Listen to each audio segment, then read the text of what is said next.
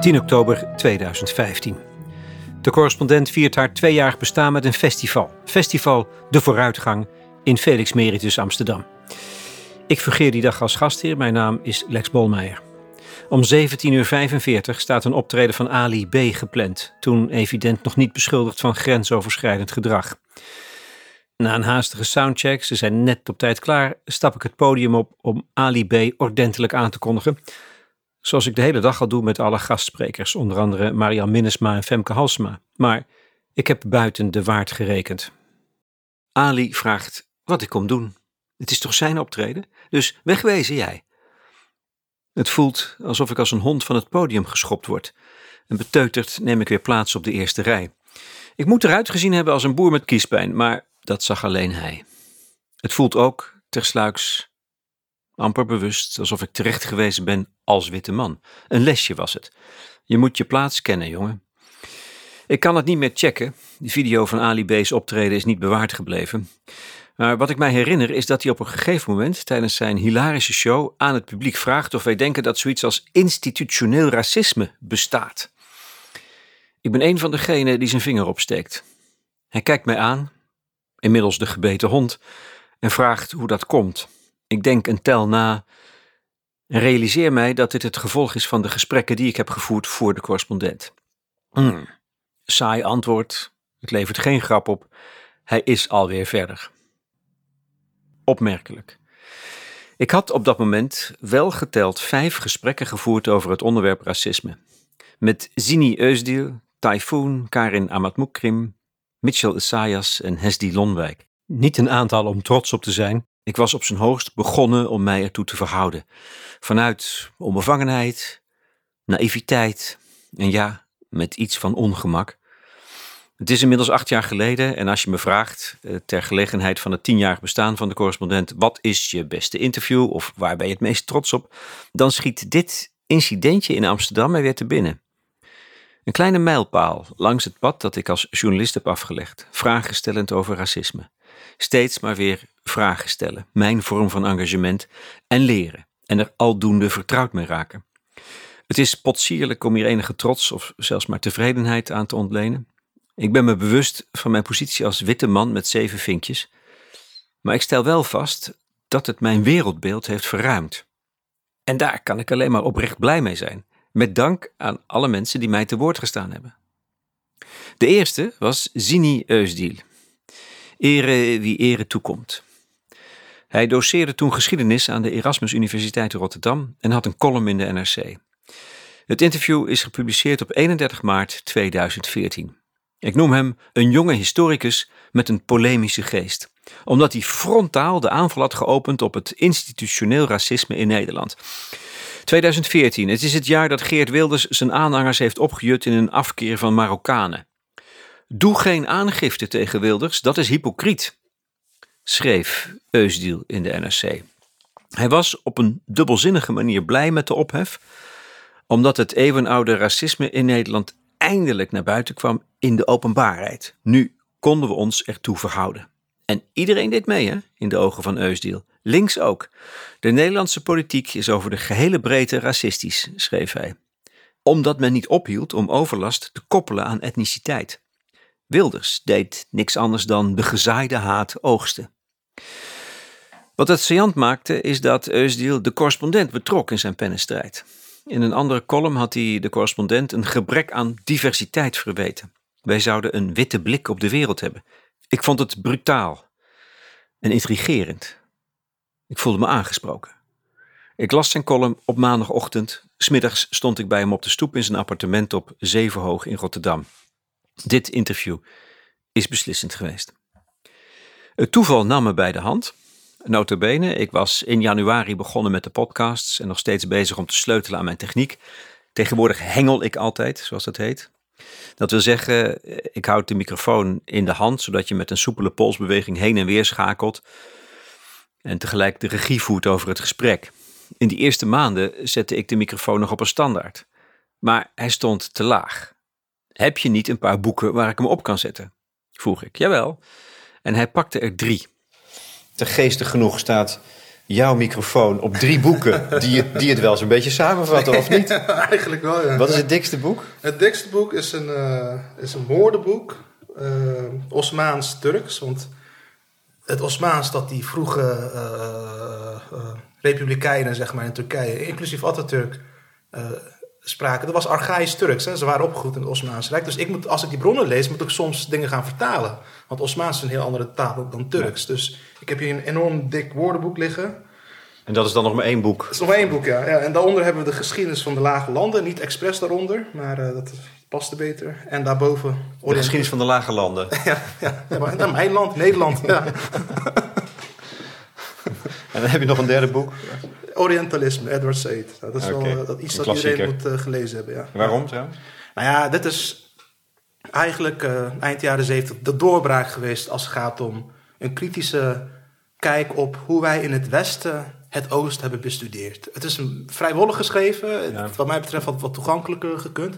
Maar Said legt het echt heel goed bloot met eindeloze voorbeelden. Hoe... En, en wat is dan de kern van zijn betoog, van, van, van de visie van het Westen op het Oosten? Nou, uh, de visie van het Westen op het Oosten is grotendeels gemotiveerd, historisch gezien, uh, vanwege uh, macht, macht, zeg maar. Ja. Dat kun je trouwens nog eerder traceren dan, dan de 19e en 20e eeuw. Uh, ook als we het hebben over de transatlantische slavernij. de dehumanisering van zwartheid. Dat was re religie, politiek, kunst en cultuur, ook wetenschap, hè, de eugenetica van de 19e eeuw. Het was allemaal een culturele productie bedoeld om de ander als minder te laten doen overkomen. En dat heeft vandaag de dag nog steeds een heel diepe uitwerking. En dat boek van Said is eigenlijk een van de basiswerken die, die dat voor het eerst ook echt bloot uh, hebben gelegd. Voilà. Dankjewel, Zini, voor deze scherpe, kernachtige samenvatting van het voorafgaande in 2 minuten en 34 seconden. Waarbij, oh ironie, het boek van Said, Orientalisme, dient als verhoging voor de westerse microfoon.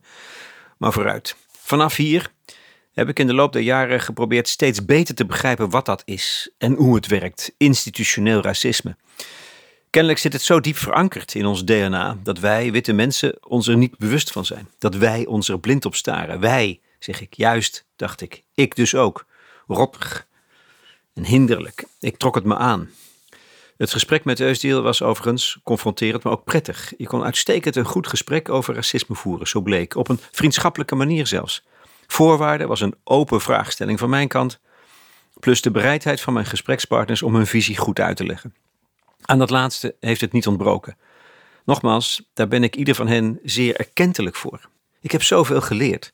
Ik licht er hieronder een paar veelbetekenende momenten uit. Het hadden echt ook andere passages kunnen zijn. Dit zijn voorbeelden uit velen. Ik ben me gaan realiseren dat ik deel uitmaak van het witte perspectief dat zit zo diep verankerd in ons systeem en daarmee in ons onderbewustzijn, dat ik iets niet zie. Maar hoe kom ik daar dan achter? Gewoon door vragen te stellen, door te vragen naar het andere perspectief. Veel ingewikkelder is het niet. Goede, eerlijke, open vragen, daar kwam het op aan. Nieuwsgierig zijn en zodoende om mijn eigen blik heen manoeuvreren, inclusief alle stiekeme aannames en vooroordelen. Voor mij persoonlijk is dat erg belangrijk geworden. Ik heb me getraind in het opschorten van mijn eigen oordeel. En vooruit, dat wil ik wel toegeven. Ik ben ervan overtuigd dat ik er als professional dagelijks mijn voordeel mee doe. Het gaat om het verhaal van de ander.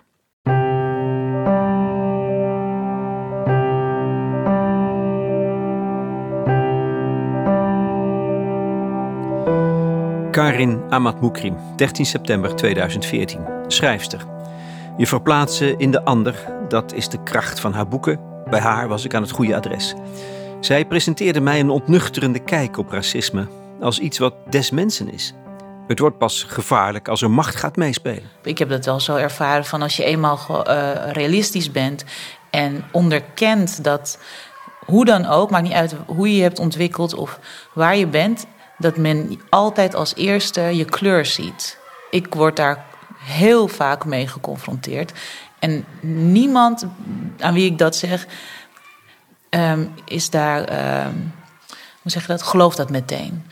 Want jij bent uh, een schrijver en je bent niet eens zwart en je spreekt keurig Nederlands en hè, bent, uh, het is allemaal wel gelukt of zo. Maar dan, juist dan nog, dan is het des te, um, schrijnender dat mensen nog altijd eerst die kleur zien en die afkomst zien en dan pas wie ik ben.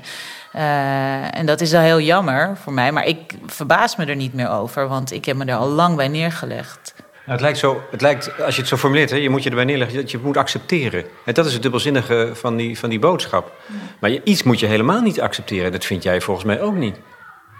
Nou ja, met accepteren bedoel ik gewoon uh, realistisch zijn. Accepteer dat het zo is en zorg dat je er beter, beter bent dan de rest. Dat is mijn boodschap. Zo is het. Ja, iedereen, de wereld is, uh, is racistisch.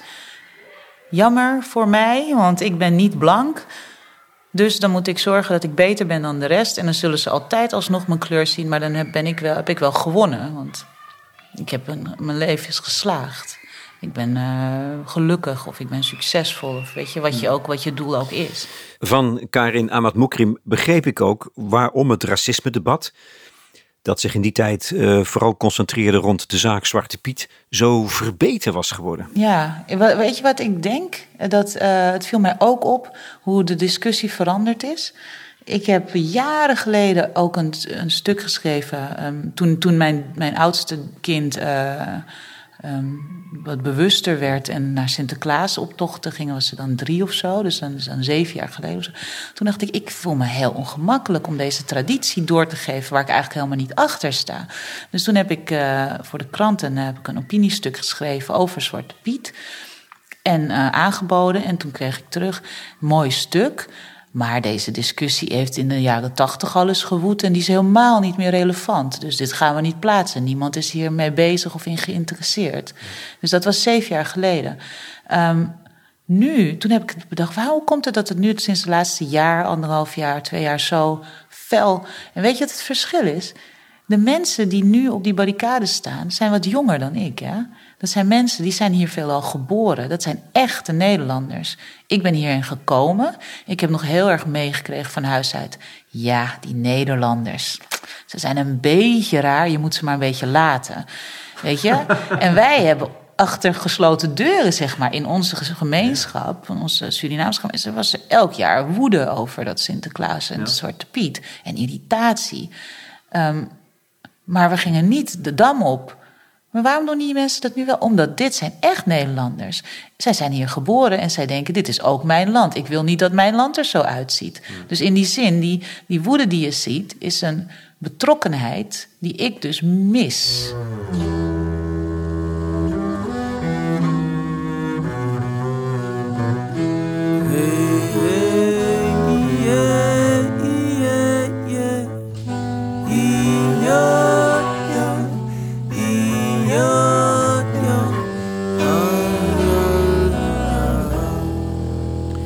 Typhoon, 5 april 2014.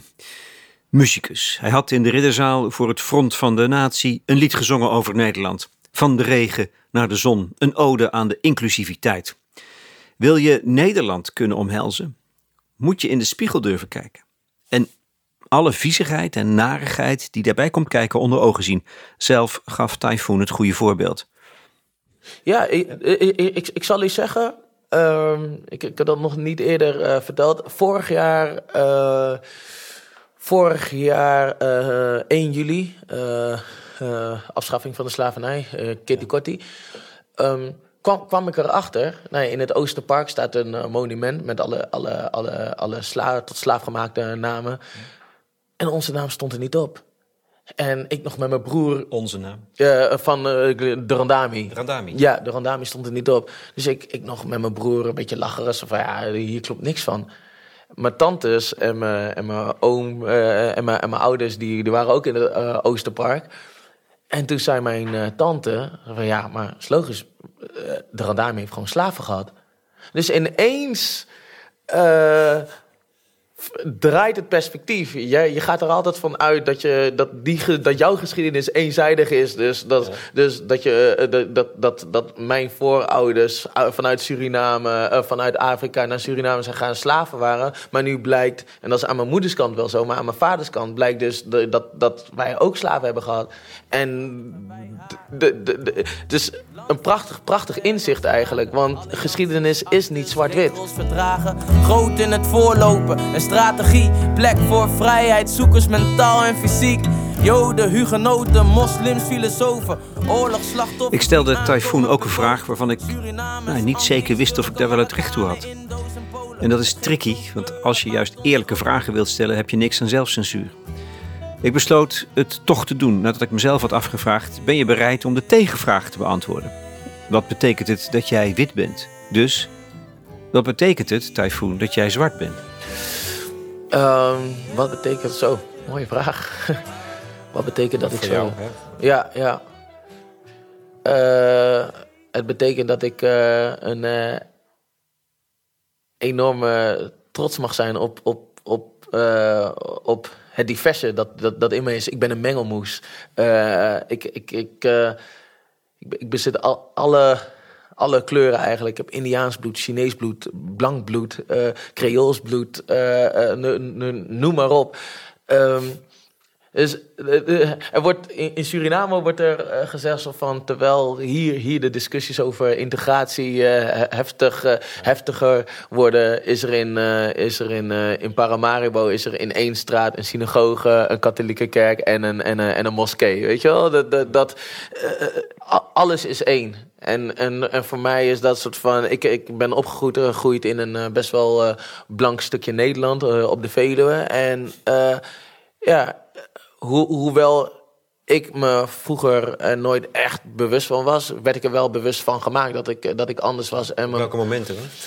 Op, op de momenten dat het, uh, dat het om hun en, en, en wij gingen, dan kom je erachter dat er geen uh, hun, dat, dat, dat, er geen, dat er geen ons is, om het even zo te zeggen.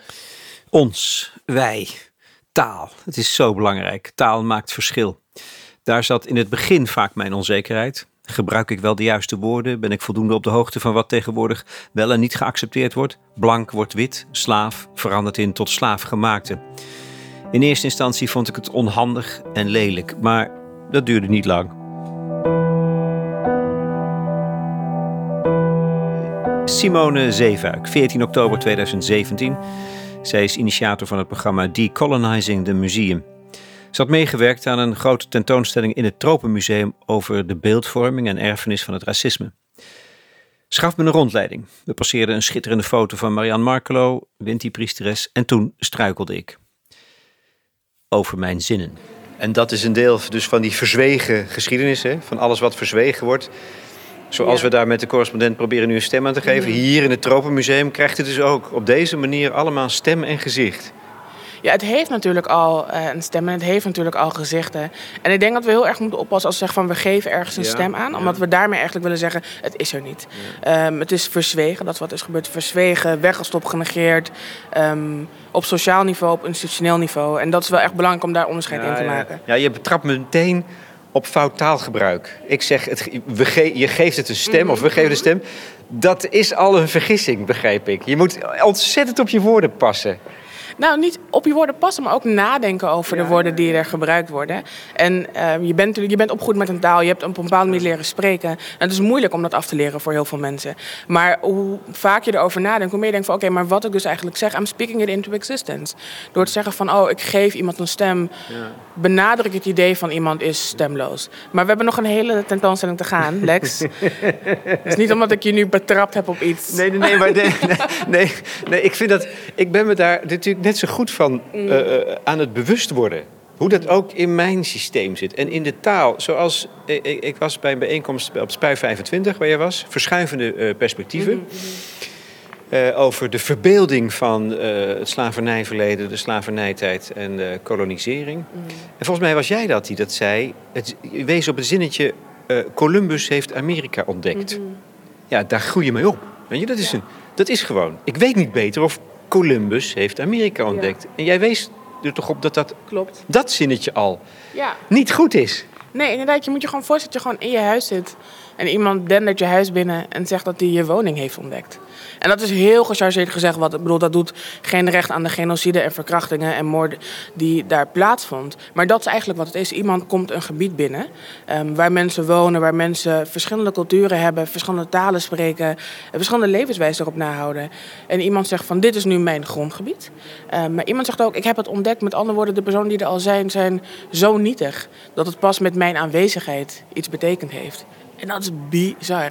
Als je daarover na gaat denken. Um, daarom hameren wij met die kanalen museum ook heel erg op het gebruik van woorden. Dingen als bijvoorbeeld het woord slaaf. Ga je er eigenlijk uit dat het iemands godgegeven plicht is om minder waardig aan jou te zijn. Terwijl als je zegt tot slaaf... Je, je, bestemming als het ware. Je bent een apart mensensoort voor wie het de bestemming is. Klopt, waar wie het misschien wel erg is dat uh, de persoon gruweldaden overkomt... maar dat is nu eenmaal hoe het gaat. Maar wanneer je nadenkt over tot slaaf gemaakt... wie heeft dan iemand tot slaaf gemaakt? En wat voor onrecht gaat daarbij gepaard om iemand tot slaaf te maken? Vanaf hier, vanaf dit moment, werd het gemakkelijker. Zo heb ik gemerkt. Het ongemak en de verkramping vielen weg. Verander de woordkeuze en je wijzigt je wereldbeeld. Het was eerlijk gezegd veel eenvoudiger dan ik had gedacht en het werkte bevrijdend. Vervolgens begon ik me te verbazen over de rabiate woede die pogingen tot verandering opriepen.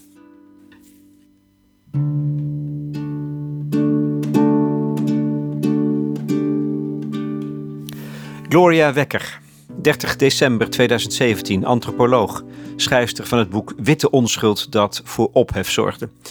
Terwijl zij als academicus al haar hele leven bezig was om te denken en te schrijven over ras. Het boek zorgde voor een barst in het zelfbeeld van de witte Nederlander. Ik moet zeggen, dat klinkt heel eigenwijs, maar het bevestigt me alleen maar in welke diagnose ik gesteld heb van Nederland. Dus uh, keep it coming. Echt waar. Ik doe daar niet uh, uh, stoer over. Maar het is wel zo, het bevestigt me in me gelijk.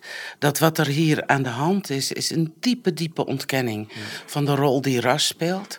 En tegelijkertijd barst het uit zijn voegen, barst het uit alles los dat ras een fundamentele betekenaar is, betekenis geeft aan uh, wie wij zijn, uh, aan de waarde die we aan verschillende mensen toekennen, uh, aan wie er mag spreken over ras. Kennelijk ben ik dat niet hè, in de ogen van veel mensen. Ook hoe kan zo iemand hoogleraar zijn? Hoe weet zij dat allemaal? Dus er is een meneer die in het parool schrijft, wiens naam ik niet zal noemen, want dat geeft hem te veel eer. Maar dat is van een dommigheid waar ik uh, een beetje van oog achterover sla dat iemand zoiets mag publiceren op grond van niks. Hè? Je zegt het eigenlijk kan het zo verwoorden, uh, Gloria. Voor mij is het sleutelwoord verdringing. Bijna in psychoanalytische zin. Volgens mij is dat de hele, beschrijf je één groot verdringingscomplex. Ja. ja, het is een manier uiteindelijk waardoor mensen een heel sterk uh, zelfbeeld kunnen vasthouden van wij zijn niet racistisch. Racisme heeft zich overal elders op de wereld voorgedaan. Amerika, Zuid-Afrika, noem maar op. Op de een of andere miraculeuze manier is het aan ons voorbij gegaan. Uh, dus wij hechten heel erg aan het zelfbeeld van wij zijn onschuldig, wij weten van niks. En uh, als we het wel geweten hadden, hebben we het niet zo bedoeld. Dus op allerlei manieren wordt getracht het eigen straatje schoon te vegen. En daarvan zeg ik, basta. Waarom, is... waarom doen wij dat? Kijk, Freudiaans zie je dat verdringingsproces ten aanzien van zeer onaangename emoties en ervaringen. Die moeten eronder gehouden worden. Waarom is dat voor Nederlanders met ras ook zo. Ja, dat wij zijn heel erg gericht op gelijkheid, gelijkwaardigheid. Um, ik denk dat het ook met religie te maken heeft. Dat hoewel we uh, in overgrote mate niet meer uh, religieus zijn of alleen met kerstmis naar de kerk uh, gaan, dat dat wel ons zelfbeeld heel erg gevormd heeft. En dat het een onderdeel is waar we niet mee kunnen dealen. Dus door vol te houden. Wij maken geen onderscheid. Wij zijn kleurenblind. Kleur, uh, ras doet er niet toe in Nederland. Geef je jezelf een prettig gevoel. En dus alles wat erop duidt dat dat misschien niet zo is, daar willen we heel erg hard op spugen en op vloeken en het wegschoppen. En iemand die die boodschap komt brengen, die moet weg. Die moet haar bek houden. Wat niet zal gebeuren. Inmiddels, ben weer een paar jaar verder, is mijn perspectief verschoven. Het is al lang niet meer de vraag wat het institutioneel racisme precies inhoudt. Nu raak ik meer en meer geïnteresseerd in mensen die manieren vinden om er iets aan te doen. Antwoorden, strategieën, praktijken, verhalen, tentoonstellingen, carrières. Veel gesprekspartners hebben mij geïnspireerd of ontroerd met hun verhalen over veerkracht, moed en levenslust, met hun talent, intelligentie en hartelijkheid.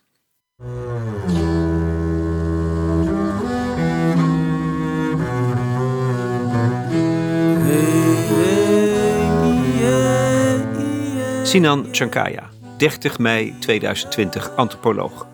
Auteur van het persoonlijke boek Mijn ontelbare identiteiten. Hij verzet zich tegen de roep om onwrikbare identiteit. Wat leidt tot geharnast groepsdenken, zoals religieus fundamentalisme, even zo goed als rechtsradicalisme. mijn uiteindelijke visie is, is meer die van uh, de superdiversiteit um, en, en van de losvaste verbindingen. En uh, juist het rekenschap geven van ja, we, we, horen er ook soms bij. En we horen er soms ook gewoon niet bij. Um, en we, we, bewegen ons heel soepel langs, onder, in buitengroepen. En, en, en we doen aan code switching. En, en uh, op, steeds andere manier vinden we manieren om, om uh, een verbinding aan te gaan met iemand. Maar dat begint dus bij, eerst bij rekenschap geven van nou ja, die ontelbare identiteiten. En mijn pleidooi om die ook te omarmen. Uh, ik ben niet fatalistisch. Eh, het sociale kan altijd op andere onverwachte manieren uitpakken. Uh, en daarin hebben wij een rol. En, dat, en, dat, en dan komt jouw idee van microrevolutie in beeld? Ja, ja microrevoluties, maar ook macrorevoluties. Um, maar het gaat om uh, wel weer de herinnering aan het, feit dat wij actieve uh, bemiddelaars zijn. Levenskunstenaars, maar ook politieke actoren. En dat wij niet overgeleverd zijn aan die bredere processen. Die zijn er. En, en, ik, en ik begrijp heel erg dat gevoel dat we daar geen invloed op kunnen uitoefenen. Dus in, in, in zekere zin is, is microrevoluties ook iets om. Dat doet iets tegen mijn cynisme. Ik bedoel, het is ook een soort moreel imperatief om, om radicaal hoopvol te zijn. En, maar ik geloof daar ook echt in. Het is niet alleen theoretisch. En het is niet alleen een organisch, auto, autonoom proces. Dat, dat, wij, hebben daar, wij kunnen daar iets tegenover zetten. En wat? organiseren, uh, mobiliseren, uh, verzetten, in, in, in, een alternatief ontwikkelen. Dat, dat, dat is ook gewoon in gedachten, in, in, in denkwijze.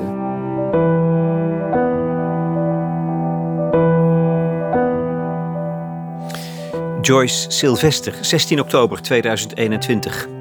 Politicus, bestuurder, de eerste zwarte burgemeester. Ze vertelt het verhaal van haar carrière in Bent u de burgemeester? Ik weet nog dat ik uh, met mijn vader, is ook een passage die ik beschrijf in het boek, langs de lijn stond bij uh, Real Sranang, een Surinaamse voetbalvereniging, waar de vaders van Rijkaard, Gullit uh, voetbalden.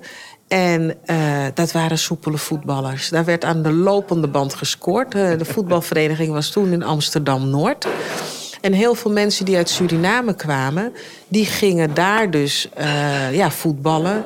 Maar ook gezelligheid zoeken, lekker Surinaams eten. Maar er werd vaak met bananen gegooid door tegenstanders op het veld.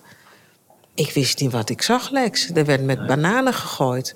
En dan werd er vaak ook wel uh, gevochten op het veld. Want uh, de spelers waren ontzettend gekwetst en beledigd. Dus dan spreken we het over de jaren zeventig al, hè? Even we voor de... het over de jaren zeventig, begin jaren zeventig. En uh, mijn vader was uh, bij de voetbalvereniging scheidsrechter. Hij voetbalde zelf ook. En hij zei altijd, toch is dit niet de manier. Want je verliest de wedstrijd ook nog eens een keer. Want als er gevochten wordt, wordt de wedstrijd geschorst. Je verliest de wedstrijd. Je krijgt de bananen op het veld, die moet je ook nog verwerken. Hè? Dat, dat, dat, dat, zeg maar eh, gedaan wordt. Het is eigenlijk een dubbele nederlaag die je leidt. En de tegenstander die gaat er eh, vrolijk fluitend, uh, bij wijze van spreken, mee vandoor. Dus ja, dat nadenken over van wie is nou dit probleem? Van wie is nou dit probleem van racisme en discriminatie? Wij waren er thuis niet mee bezig. Wij waren bezig om vooruit te komen, om aansluiting te zoeken in de samenleving. Dus ja, ik heb van huis uit altijd wel geleerd: racisme of discriminatie is het probleem van de ander. Je meldt het en je gaat er alles tegen proberen te doen. Maar je houdt wel je koers vast. Je laat je niet van de wijs brengen um, door racisme en door discriminatie. En dan tot slot Valika Smulders, 8 oktober 2022, kunsthistoricus. Ze maakte samen met haar team de tentoonstelling Slavernij. Tien personen, tien stories in het Rijksmuseum. Ze maakte daarbij voor het eerst gebruik van oral history. Zo kon je de stem horen van een 108-jarige vrouw. Eens tot slaaf gemaakt. Machichi. Caimanjuco, Juco Caimã, Caimanjuco, Juco Caimã, minta Mindalabataiô, Minta Mindabaricá, Mindacatibichum, Mindacatibichum. Enfim, partida, partida. Vertelt zij? Ja. Um, ik moet even terug, denk ik, naar wat de tentoonstelling wilde doen. Ja. Om te, de waarde van deze opname te kunnen duiden. Um, wat we wilden in het museum is dat het zou gaan over alle mensen binnen dat grotere systeem van slavernij. En daarvan wordt vaak gezegd, als je terugkijkt in de geschreven bronnen, in de collecties van musea, um, dat mensen in slavernij eigenlijk zich niet realiseerden wat hun situatie was. Dat slavernij nou eenmaal zo was. Dat we pas later in het systeem erachter kwamen wat mensenrechten waren. En uh, nou, volgens mij is dat dus niet zo. Mensen die in slavernij worden gehouden, die weten heel goed dat dat onrechtvaardig is en dat dat niet klopt. Maar hoe bewijs je dat? Want we hebben niet de, de, de materiële cultuur die dat laat zien. En in de documenten zie je alleen maar mensen als onderdelen van administraties, vaak zelfs zonder namen. Laat staan dat hun gevoelens werden opgeschreven. Uh, dus mensen hebben dat zelf moeten doorgeven. En nou is de vraag altijd die gesteld wordt bij orale geschiedenis: kun je wel bewijzen of het waar is of niet? Dus hm. het is ook belangrijk om zo ver mogelijk terug te kunnen gaan. En deze bandopnames die zijn uit de eerste helft van de 20e eeuw. Deze mevrouw, Machichi, die was toen al 108 jaar oud. Dus zij is geboren in 1853. Dat wil zeggen dat ze geboren is in slavernij. En wat zij vertelt over dit lied is dat ze het leerde van haar grootmoeder. Dus als je zo ver doorgaat, dan neemt ze je mee naar de 18e eeuw. En wat wij wilden laten zien in de tentoonstelling is het verhaal van Tula, een van de grote helden van Curaçao, die uh, zelf in slavernij verkeerde en in opstand kwam tegen dat systeem. Maar hoe duid je nou wat de gedachtegang van Tula moet zijn geweest? En daarvoor hebben we geschreven bronnen die zijn woorden weergeven, maar die zijn natuurlijk opgeschreven door iemand die deel was van dat uh, onderdrukkende systeem. En dus zijn deze orale bronnen zo belangrijk om te komen bij wat mensen werkelijk dachten ondertussen. En wat zij zingt is um, een mengeling van talen. Dus je ziet welke talen zij machtig is en hoe zij communiceert. Ze vertelt, uh, zij zingt geen juk meer in het Luango, een oude taal die niet meer gesproken wordt. Geen juk meer. Ik was de borden niet van de meester. Ik was de kommen niet van de meester. Ik veeg zijn huis niet. Dus er zit een enorme recalcitrantie zeg maar, in. Een enorme moed om te zeggen van... ik ben zijn slaaf helemaal niet. Ik ben gewoon een mens. En dat deel, dat is wat musea tot nu toe heel moeilijk konden vertellen. En wat we aan de hand van dit soort bronnen wel kunnen doen. Kortom, er is zoveel om naar te luisteren. Er zijn talloze bijzondere en meeslepende verhalen. Intussen wordt het racisme niet minder, soms lijkt het zelfs eerder toe te nemen. Het rabiate racistische verzet tegen gelijkwaardigheid baart mij grote zorgen. Dus ik weet niet of ik Zini Eusdeels inzicht kan delen. Dat het goed is dat het nu allemaal naar buiten komt. Opdat we er strijd over kunnen leveren. Ja, dat is nodig, beslist. Maar intussen is dat racisme ook salonveeg geworden. En blijkt het soms zelfs nog steeds overheidsbeleid. Mijn laatste gesprek was met Mpanzu Bamenga, een jurist die vijf jaar geleden een proces heeft aangespannen tegen de Nederlandse staat over de onwettigheid van etnisch profileren. Hij won. Ah, alweer een klein stapje vooruit. Zijn verhaal raakte mij diep. En dat is, denk ik, waar ik sta na tien jaar goede gesprekken. Voorlopig blijf ik nog maar even vragen stellen. Aan de rand van het podium. In verbondenheid.